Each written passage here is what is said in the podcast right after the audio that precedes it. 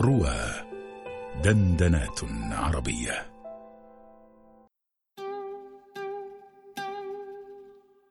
من خيرك فقد حيرك.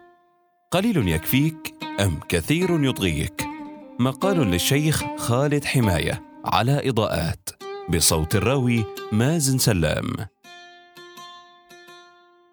حياتنا تزداد سهولة يوما بعد يوم.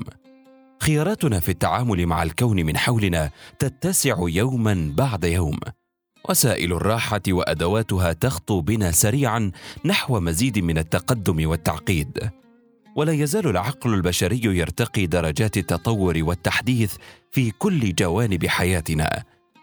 حتى لقد أصبح مجرد تصور شكل الحياة في الماضي القريب قبل مئة عام أو أكثر قليلا قبل نزول هذا السيل من الاختراعات والتقنيات شيئا عسيرا. تزامن مع هذا التقدم الهائل زيادة مطردة في مساحات الحرية ومجالاتها وارتفاع كبير في سقفها. فأصبح متاحا للفرد اليوم حرية الاختيار بين متعدد في كثير من تفاصيل حياته. ولا تزال هذه الاختيارات تتنوع وتتعقد بدءا من أتفه الأشياء حولنا. وصولا للقرارات الكبرى والمصيرية في حياة كل واحد منا. ذهب أحدهم لمتجر شهير من متاجر التجزئة وتجول بين معروضاته بحثا عما يسمى سالاد دريسينج أو توابل السلطة. فأحصى الرجل ما يزيد عن 175 نوعا مختلفة تحت هذا المسمى فقط ما بين أحمر وأصفر وأبيض. هاتفك الذي تحمله بين يدك الآن وتقرأ منه هذا المقال به ملايين التطبيقات المعروضة على المتجر الإلكتروني والتي تخص كل صغيرة وكبيرة من تفاصيل اهتماماتنا اليومية. تتنافس جميعها في تيسير حياتنا اليومية وتخاطبنا في أدق تفاصيل اهتماماتنا الشخصية. فهل حصل الإنسان على ما يريد؟ وهل وصل لمبتغاه؟ وهل يصح أن يقال إن إنسان اليوم قد أصبح أكثر سعادة. من ذي قبل الحقيقة أن توجه مجتمعاتنا الحديثة مبني على أساس أكذوبة كبرى نعيش بها ومعها طوال الوقت. تلك الأكذوبة التي أصبحت تشكل الواقع من حولنا وخصوصا في المجتمعات الغربية وتؤثر في كل مجالات الحياة. ملخصها إذا أردنا أن نعيش سعداء ومرتاح البال فعلينا أن نعمل على مضاعفة اختياراتنا وكسر كل القيود من حولنا. فمن خلال ذلك يتمتع الناس بالحرية في اتخاذ قراراتهم ولا يستطيع أحد إجبارهم على فعل شيء لا يرغبون فعله.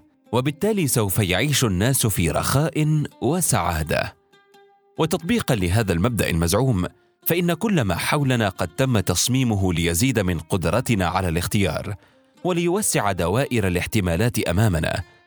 من الناحية النظرية فإن هذا الانفجار الكبير في مساحات الحرية وفضاءاتها سوف يزيد من شعورنا بالسعادة. إذ كلما وسعنا دائرة الاختيارات والحريات فإن فرصنا في حياة سعيدة سوف تزيد وتنمو بالضرورة تبعا لذلك. فهل هذه هي الحقيقة؟ طبيب نفس أمريكي شهير يدعى باري سواريتشز. قام ببعض الأبحاث حول سلوك المستهلكين وتعاملهم مع هذا الانفجار الكبير في الاختيارات وخرج ببعض الحقائق الصادمة. يقول إن هذا الانفجار الكبير في الاختيارات له آثار سيئة على حياتنا وصحتنا النفسية فهي تؤدي بنا دائما لحالة من الارتباك والشلل في اتخاذ القرار بمجرد التواجد في هذه البيئة المربكة. فبدل أن تزيد مساحة الحرية المتوهمة أمامنا فإننا نصاب بحالة من الشلل وعدم القدرة على اتخاذ القرار. وحتى بعد أن نكون قد تجاوزنا مرحلة الحيرة واتخذنا القرار الصعب فإننا في نهاية المطاف سوف نجد أنفسنا في مستوى سعادة ورضا أقل عما قمنا باختياره مقارنة بحالة وجود خيارات أخرى محدودة. والسبب في ذلك هو اعتقادك الداخلي باحتمال أن يكون هناك شيء أفضل أو خيار أحسن وأنت لم يحالفك الحظ لاتخاذه. فكلما اتسعت دائرة الاختيار أمامك كلما نقص ذلك من معدل الرضا عن القرار الذي تتخذه. ولكي يبرهن الرجل على صدق كلامه أعطى لنا هذا المثال البسيط. أمامك سلة من البرتقال. بداخلها برتقالة محددة. هي ألذ وأحلى برتقاله على وجه الأرض. ولو فاتتك فرصة الوصول إليها هذه المرة فلن تستطيع الحصول عليها مرة أخرى في حياتك. وأمامك عدد محدود من المحاولات للوصول إليها من خلال الانتقال العشوائي من هذه السلة. ترى ما هو شعورك الآن؟ وقد تم رفع سقف المواصفات لهذا الحد. اولا سوف ينتابك قلق عميق كمثل القلق الذي ينتاب لاعب كرة القدم عندما يحاول تسديد ركلة الجزاء في نهائيات البطولة وأمام أعين ملايين المشاهدين. ثانيا سوف تشعر برغبة عارمة في أن تجرب كل ما في السلة لأن عقلك وببساطة لن يستطيع تمييز أحلى برتقالة.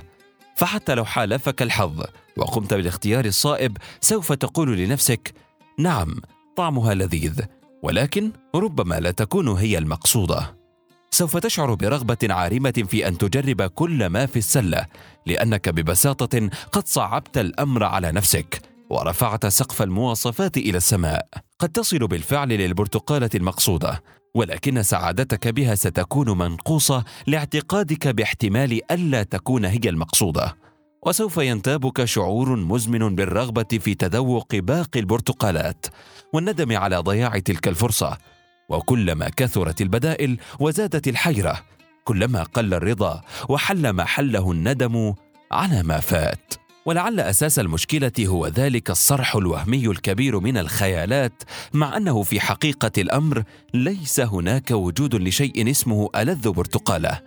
وأجمل سيارة وأحلى امرأة في الدنيا. إلا إذا كنت تشاهد مجموعة من الإعلانات التجارية أو الأفلام الإباحية أو عندما تحاول أن تقنع أنت نفسك بذلك. هل تعتقد بأن جميع من يصطفون في طوابير طويلة للحصول على أحدث إصدارات أجهزة آبل يعرفون الفروق التقنية ما بين الإصدار العاشر والإصدار الحادي عشر أو يدركون الأثر الناجم عن كون الجهاز به كاميرا 12 ميجا بكسل بدلا من عشرة مثلا شركة أبحاث تسويقية قامت بتجربة جديرة بالذكر.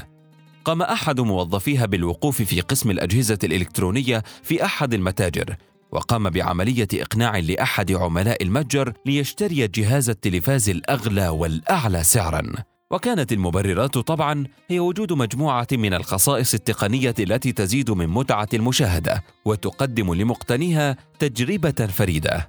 وبعد أن قام بشراء الجهاز طلبوا منه أن يجلس في غرفة معدة خصيصا لمن قرر شراء هذا الجهاز ليشاهد بنفسه الفروق التقنية والخصائص الفريدة لجهازه قبل أن يحمله عائدا به للمنزل. جلس العميل وشاهد فيلما قصيرا على جهاز تلفاز موضوع في الغرفة. وبعد أن انتهت فقرة المشاهدة سألوه عن رأيه فأجابهم أنا الآن مقتنع تماما أنني اتخذت القرار الصحيح. فرغم أن سعر الجهاز أغلى من الأجهزة الأخرى بما يوازي 150 دولارا ولكنه حقا جهاز فريد من نوعه ويستحق هذا المبلغ الذي دفعته فيه. قال له الموظف عندي لك مفاجأة غير سارة. هذا الجهاز لم يكن سوى جهاز عادي من النوع الرخيص وليس به أي فروق تقنية عن أي جهاز آخر موجود في المتجر. هذا هو ما يحدث لك أنت أيضا عندما تذهب لشراء وجبة من أحد المطاعم. فبعد أن تشتري وجبتك الأساسية يبدأ موظف الكاشير بعرض مجموعة من الإضافات والمقبلات عليك لتضيفها للقائمة. وتشعر من خلال أسلوب العرض أن شيئا عظيما سوف يفوتك. إن أنت لم تستمتع بالساندويتش المضاف له الخلطة السرية الجديدة والتي هي متاحة لفترة محدودة جدا. وهذا هو معنى كلام رسول الله صلى الله عليه وسلم عن ابن عباس رضي الله تعالى عنهما قال سمعت النبي صلى الله عليه وسلم يقول لو كان لابن آدم واديان من مال لابتغى ثالثا ولا يملأ جوف ابن آدم إلا التراب. ويتوب الله على من تاب. وقد كنت قديما أقرأ هذا الحديث فأقول لنفسي كيف لمن يرزقه الله بمثل هذا المال أن ينظر لغيره وألا يتوقف سقف أطماعه؟ ثم تذكرت شخصية عم دهب الذي كنا نراه في مجلة ميكي للأطفال ونحن صغار تلك الشخصية العابسة البخيلة التي تحمل الهم ليلا ونهارا ولا يكاد يغادر الاكتئاب والتذمر وجهه. فكلما ارتقيت درجة سوف تطمح في الدرجة التي تليها حتى صار في زماننا من يشتري سيارة بخمسة ملايين دولار أو يختم بما يعادل ميزانية التعليم والصحة لأربع دول فقيرة. وهكذا لا ينتهي صرف الإنسان ولا يقف شرهه عند حد ولا يملأ فمه إلا التراب ويتوب الله على من تاب. ذكر الإمام ابن كثير في تفسير قوله تعالى وبشر الذين آمنوا وعملوا الصالحات أن لهم جنات تجري من تحتها الأنهار. كلما رزقوا منها من ثمرة رزقا قالوا هذا الذي رزقنا من قبل. وأتوا به متشابها ولهم فيها أزواج مطهرة وهم فيها خالدون. عن يحيى ابن أبي كثير قال عشب الجنة الزعفران. وكثبانها المسك ويطوف عليهم الولدان بالفواكه فيأكلونها ثم يأتون بمثلها. فيقول لهم أهل الجنة هذا الذي أتيتمونا انفا به. فيقول لهم الولدان كلوا فإن اللون واحد والطعم مختلف وهو قول الله تعالى وهو قول الله تعالى وأتوا به متشابها. وقال أبو جعفر الرازي عن الربيع بن أنس عن أبي العالية وأتوا به متشابها قال يشبه بعضه بعضا ويختلف في الطعم فالنعيم المقيم الذي لا يمل صاحبه هو ذلك الذي يترقى ويتنوع يوما بعد يوم وحالا بعد حال حتى لا تمله النفس وحتى يكون فوق مستوى توقعاتنا وخارج دائرة تصوراتنا. وهذا لا يكون إلا في جنة عرضها السماوات والأرض أعدت للمتقين. تذكرت فكاهة مصرية عن ذلك الذي ركب القطار فاشترى من المحصل تذكرتين. فسأله المحصل وأين رفيقك؟ فأجابه ليس معي رفيق ولكني اشتريت تذكرة لي وأخرى احتياطية في حال فقدت التذكرة الأولى. ويبدو أن ثقافة إلقاء الركاب ممن لم يدفعوا ثمن تذكرة الرحلة قديم في بلدنا.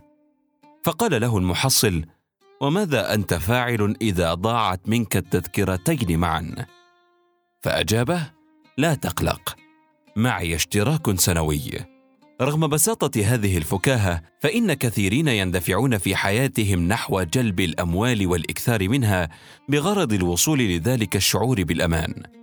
والذي لن نصل إليه مطلقا بمزيد من المادية والانغماس في متطلباتها. ثم ننسى أن الرزاق هو الله وأنه هو الذي يكلأنا بالليل وبالنهار. ومع ارتفاع مستوى التوقعات وازدياد الرغبة في تأمين الحاضر والمستقبل يرتفع مستوى التوتر ويظن المرء أن له حولا وقوة وأنه يستطيع تغيير مستقبله للأفضل. ومع كثرة الخيارات يتصور الإنسان أنه لا عذر له في الوقوع في الخطأ ولا عذر له في عدم اتخاذ القرار السليم. فتكون نتيجة ذلك الاكتئاب المزمن من كثرة التفكير وكثرة البدائل وارتفاع سقف التوقعات والرغبات التي لا يمكن قبول الحياة بغيرها. عندما ينتابك هذا الشعور تذكر دائما أنه لا حول ولا قوة إلا بالله. وأنك أيها العبد الضعيف لا حول لك ولا قوة ولا قدرة لك على تغيير الأقدار وصنع المستقبل إلا بأقدار الله تعالى لك وتوفيقه إياك. عن أبي موسى الأشعري رضي الله عنه قال قال لي رسول الله صلى الله عليه وسلم يا عبد الله بن قيس ألا أدلك على كنز من كنوز الجنة؟ لا حول ولا قوة إلا بالله.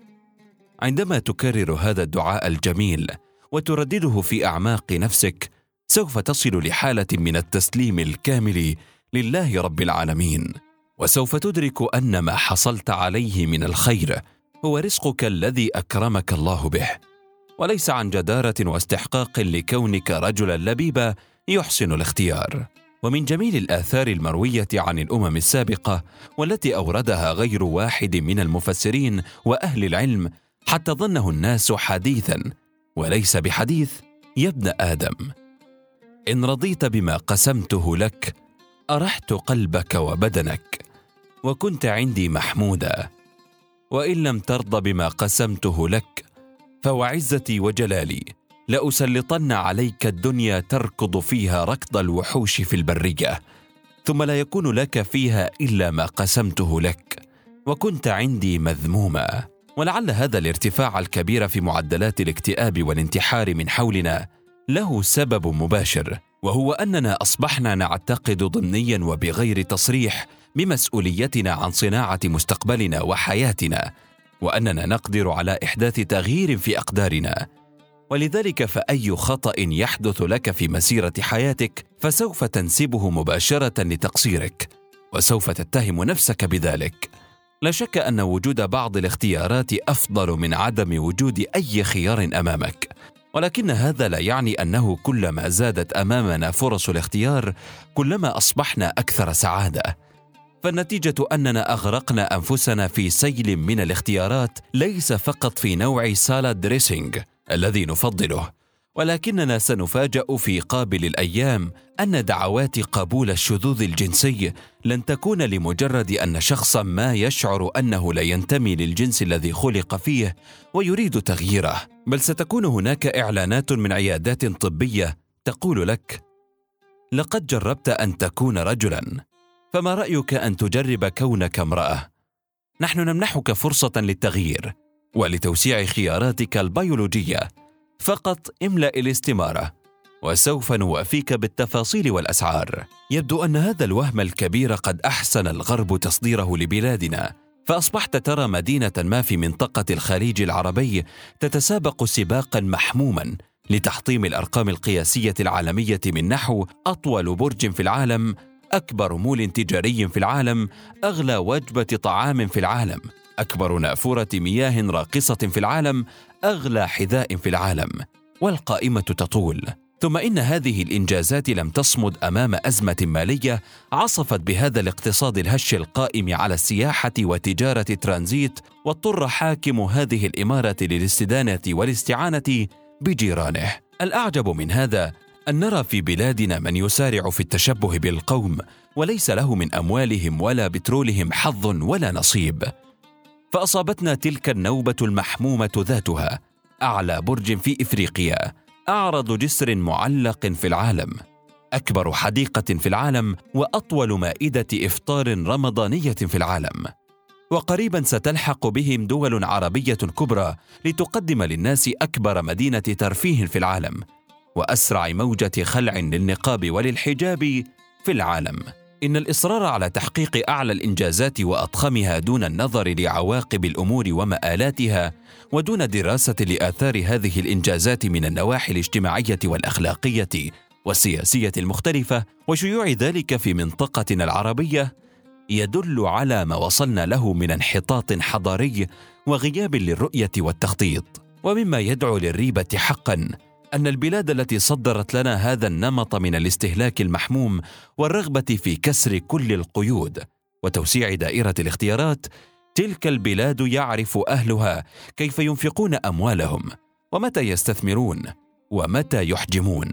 وقد لفت نظري حديث ترامب عن رغبته في تطوير منظومة التحكيم في الصواريخ النووية التي تعمل بنظام قديم لم يتم تطويره منذ الستينات. وعندما سئل القائمون على هذا الملف داخل وزارة الدفاع كان الجواب البسيط أننا لا نحتاج لما هو أكثر من ذلك حتى الآن.